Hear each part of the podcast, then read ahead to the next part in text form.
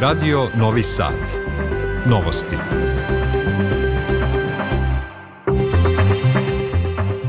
Dobar dan, ja sam Vesna Balta. Ja sam Eva Tomović. Na početku novosti Vesti dana.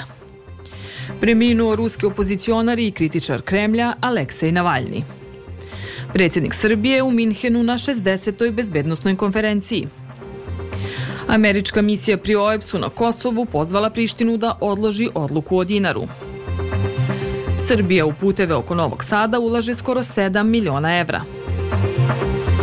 Matica Srpska obeležava 198 godina postojanja. Iz sporta, u prvom polufinalu Kupa Radivoja Koraća od 17 sati igraju Čačak 94 i Crvena zvezda, a od 21 sat Partizan Vojvodina. Sutra uglavnom sunčano, krajem dana ponegde moguća kiša. Temperatura do 15 stepeni. U Novom Sadu sada je 14.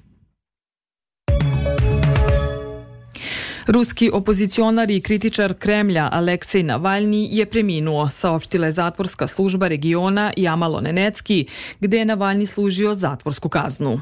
Navode da se Navalni posle šetnje osjećao loše i da je izgubio svest nakon čega je preminuo. Posmatrači iz zatvora su naveli da se Navalni prethodno nije žalio na zdravstvene probleme. Port parol Kremlja je saopštio da nema informacije o uzroku njegove smrti. Advokat Alekseja Navalnog uputio se u zatvorsku jedinicu. Podsjetimo, Navalni je služio kaznu zatvora od 30 godina zbog navodnog ekstremizma kao i niza drugih optužbi. Na vest o smrti ruskog opozicionara Aleksija Navalnog u zatvoru reagovali su njegovi saradnici, ali šef NATO-a Jens Stoltenberg, predsjednik Evropskog saveta Charles Michel, britanski premijer Rishi Sunak i drugi svetski zvaničnici. Stoltenberg je poručio da treba da se utvrde sve okolnosti smrti Alekseja Navalnog, kao i da Rusija mora da odgovori na neka veoma ozbiljna pitanja.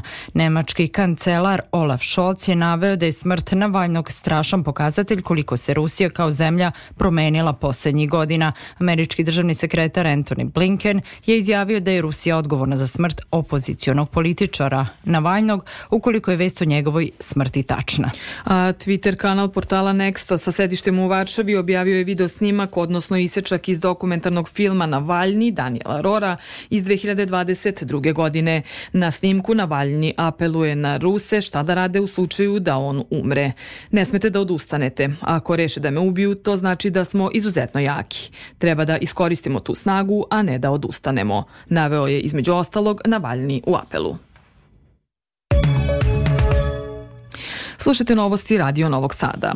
Predsjednik Srbije Aleksandar Vučić učestvuje na vodećem svetskom forumu o međunarodnoj bezbednostnoj politici koji je počeo u Minhenu. U oči skupa Vučić se sastao sa šefom britanske diplomatije Davidom Cameronom i sa evropskim komesarom za budžetska pitanja Johannesom Hanom. On je pozitivno ocenio razgovore. Vučić je razgovarao i sa predsjednicom Evropske komisije Ursulom von der Leyen i to kako je naveo o važnim regionalnim i svetskim temama po pitanju bezbednosti i spoljne politike. Još jednom sam ponovio čvrstu opredeljenost Srbije za nastavak i ubrzanje evropskog puta, istakao je predsjednik. Bezbednostna konferencija u Minhenu vodeći svetski forum za debatu o međunarodnoj bezbednostnoj politici. Na trodnevnom skupu učesnici će razgovarati o najvećim izazovima spoljne i bezbednostne politike, a cilj je izgradnja poverenja kako bi se doprinalo mirnom rešavanju sukoba održavanjem stalnog i neformalnog dijaloga unutar međunarodne zajednice. Skupu će prisustvovati više od 450 učesnika, među kojima su i predsjednik Aleksandar Vučić, šef kineske diplomatije Van Gi, američki državni sekretar Anthony Blinken i ministar spoljnih poslova Velike Britanije David Cameron. Evo i ostalih vesti. Ambasador Evropske unije i ambasadori Kvinte u Prištini sastali su se sa zamenikom ombudsmana i predstavnicima zajednice Srba na Kosovu i Metohiji. Kako je objavio nemački ambasador u Prištini Jern Rode, ulažu se zajednički napori kako bi se unapredila ljudska prava i međuetnički odnosi na Kosovu i Metohiji. Portal Kosev navodi da je reč o predstavnicima zajednice Srba na Kosmetu koji su se ranije ove sedmice u Briselu sastali sa izaslanikom Evropske unije za dijalog Beograda i Prištine Miroslavom Lajčakom. Jednostrana odluka Prištine da ukine dinar ne doprinosi ciljevima kao što su postizanje mira i stabilnosti na Zapadnom Balkanu, saopštila emisija Sjedinjenih američkih država pri OEPS-u. Pozvali su i prištinske vlasti da odmah odlože odluku o dinaru i rade na rešavanju unutar dijaloga pod okriljem Evropske unije. Misija je takođe izrazila duboko zabrinutost zbog nedavnih nekoordinisanih akcija vlade privremenih prištinskih institucija, uključujući i upade u institucije koje podržava Srbija, koji zatvaranje službi na koje se oslanjaju građani Kosova i Metohije. A ministar odbrane Miloš Vučević izjavio je da premijer privremenih prištinskih institucija Albin Kurti stvara nemoguće uslove za opstanak Srba na Kosovu i Metohiji i da je Kurtjeva agenda da Srbi ne mogu da opstanu na Kosmetu. Vučević ocenio da je na Kosovu i Metohiji veoma teška situacija i dodao da je zabluda da je Kurti suspendovao odluku o zabrani dinara. Kancelarija za Kosovo i Metohiju saopštila da ni posle više od dve decenije za zločin kod mesta Livadice, kada je u terorističkom napadu na autobus Niša Ekspresa poginulo 12, a povređeno 43 Srba, nisu odgovarali ni počinioci tog zločina, ni njihovi nalogodavci.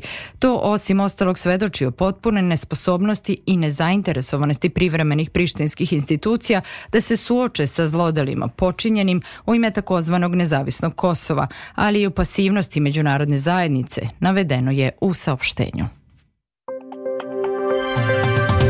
Svet.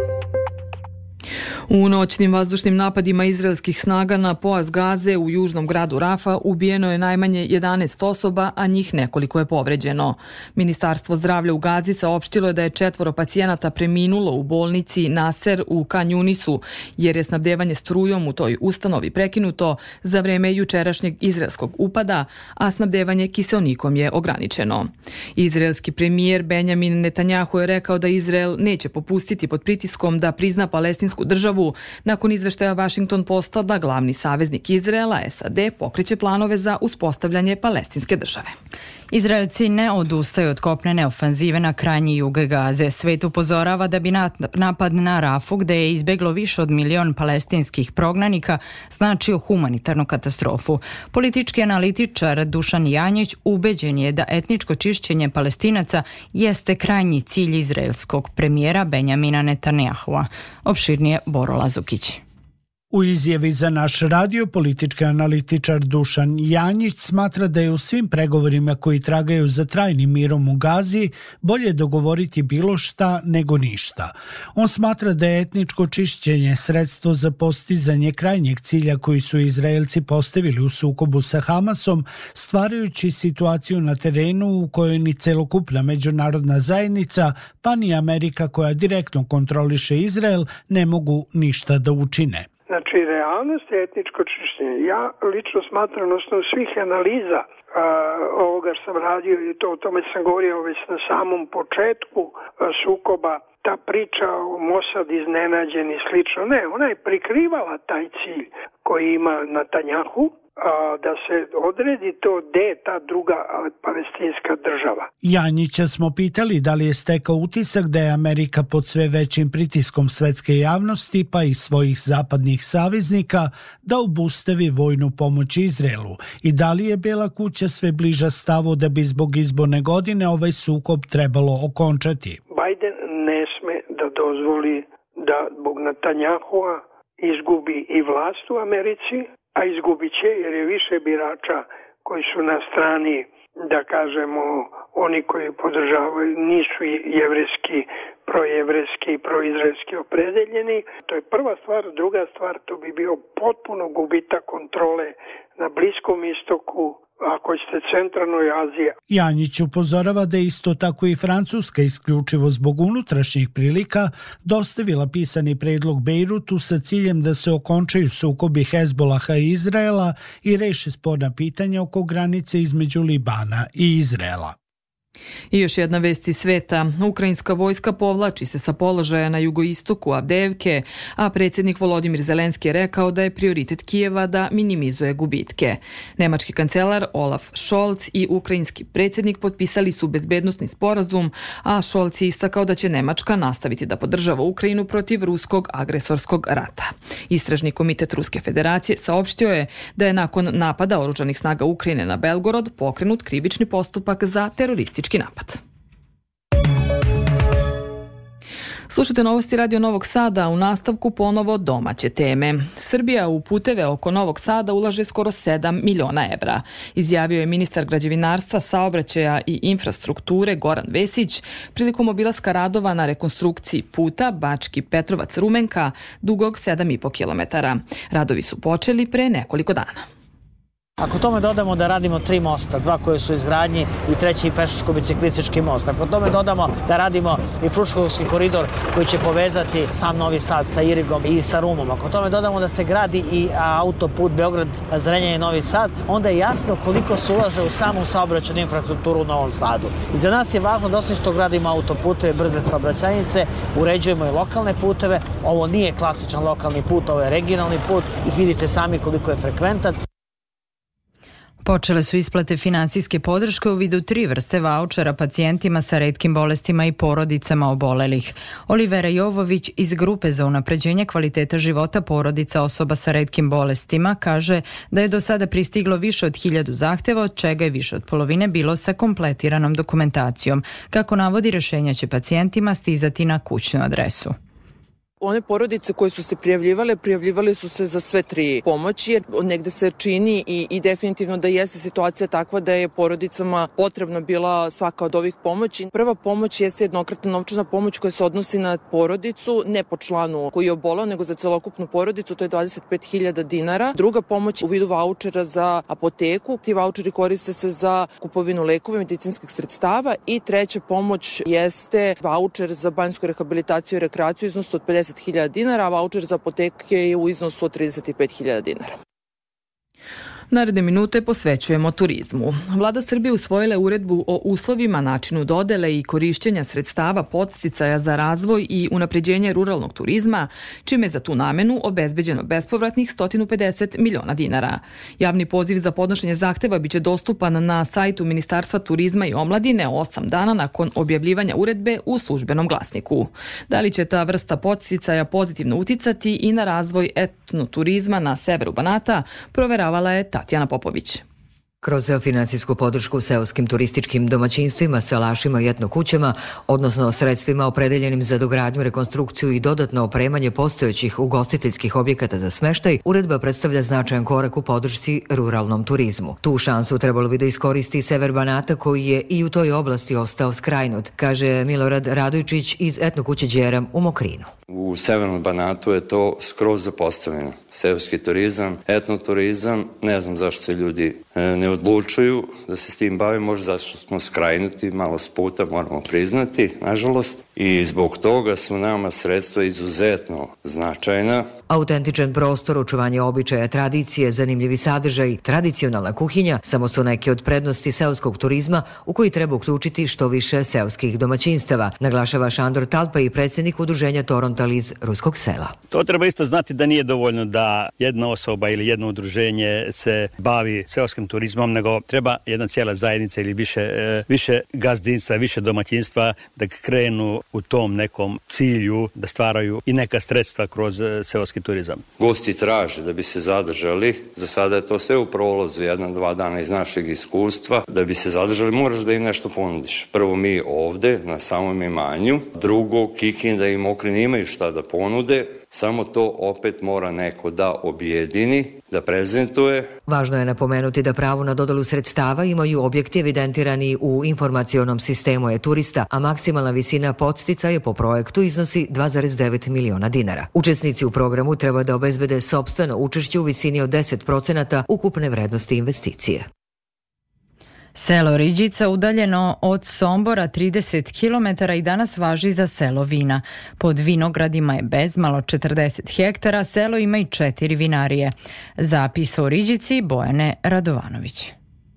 Selo na 11 mostova, selo živopisne prirode, Srpska Toskana na severu Bačke ili jednostavno Riđica – U Riđici se ljudi uglavnom bave zemljoradnjom, a najviše vinogradarstvom. Pod vinogradima se danas nalazi oko 37 hektara novih zasada, a dvadesetak vinara ovog sela verno čuvaju tajnu pravljenja dobrog vina.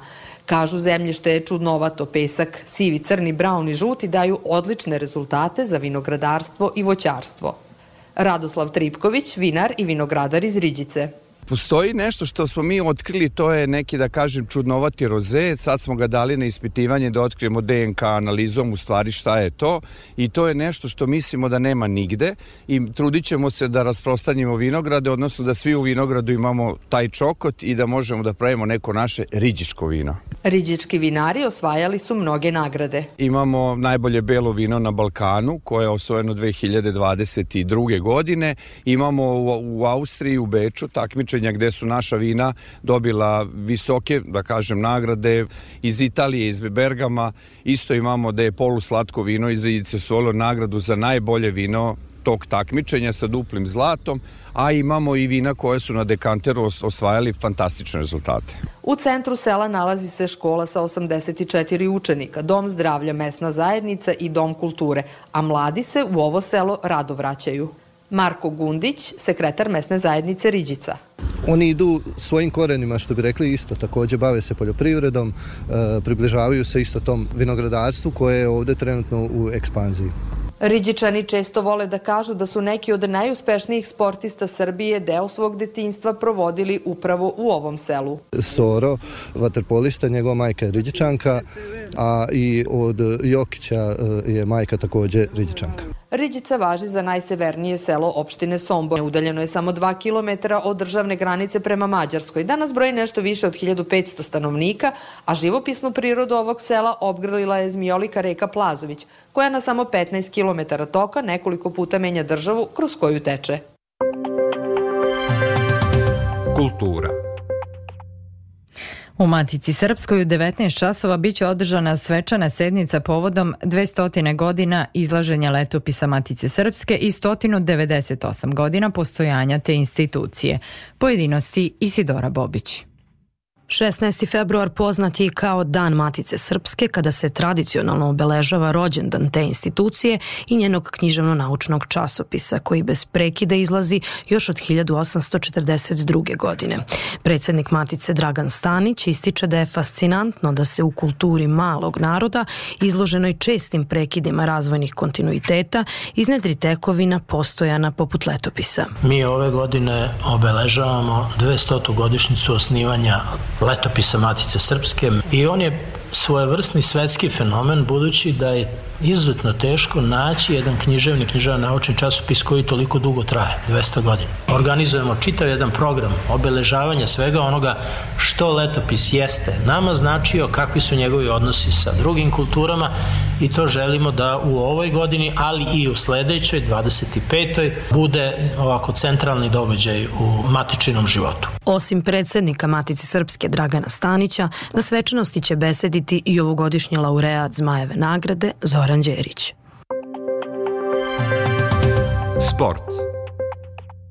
A na početku sportskog pregleda košarka u prvom polufinalu Kupa Radivoja Koraća od 17 sati igraju Čačak 94 i Crvena zvezda, dok će u 21 čas na parket dvorane Čajir u Nišu košarkaši Partizana i Novosadske Vojvodine.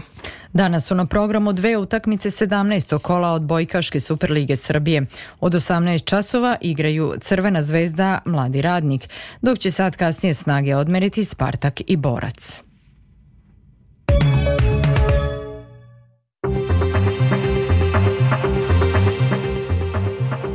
Pred kraj novosti još jednom podsjećanje na vesti dana. Preminuo ruski opozicionar i kritičar Kremlja Aleksej Navalni, saopštila zatvorska služba u kojoj je služio zatvorsku kaznu. Predsjednik Srbije Aleksandar Vučić u Minhenu na 60. bezbednostnoj konferenciji. Američka misija pri OEPS-u na Kosovu pozvala Prištinu da odloži odluku o dinaru. Srbija u puteve oko Novog Sada ulaže skoro 7 miliona evra. Matica Srpska obeležava 198 godina postojanja. Kada o vremenu reč u većem delu Vojvodine je vedro, u Somboru, u Novom Sadu i Sremskoj Mitrovici je 15 stepeni, stepen manje je u Zrenjaninu i Kikindi, dok je na Paliću 13 stepeni. Slušamo opširnju prognozu.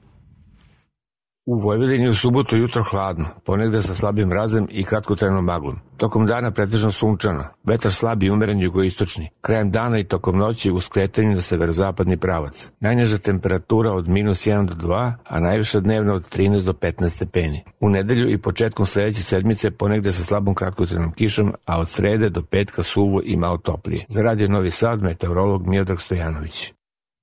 Slušali ste novosti prvog programa radija Radio Televizije Vojvodine. Novosti tonski realizovao Zoran Vukolić. Producentkinja Goranka Jednak Maksimović. Novosti uredila i vodila Vesna Balta, ja sam Eva Tomović. Ostanite uz naš program od 15.30 sledi emisija Radio Sport. Hvala na pažnji i prijatan ostatak dana.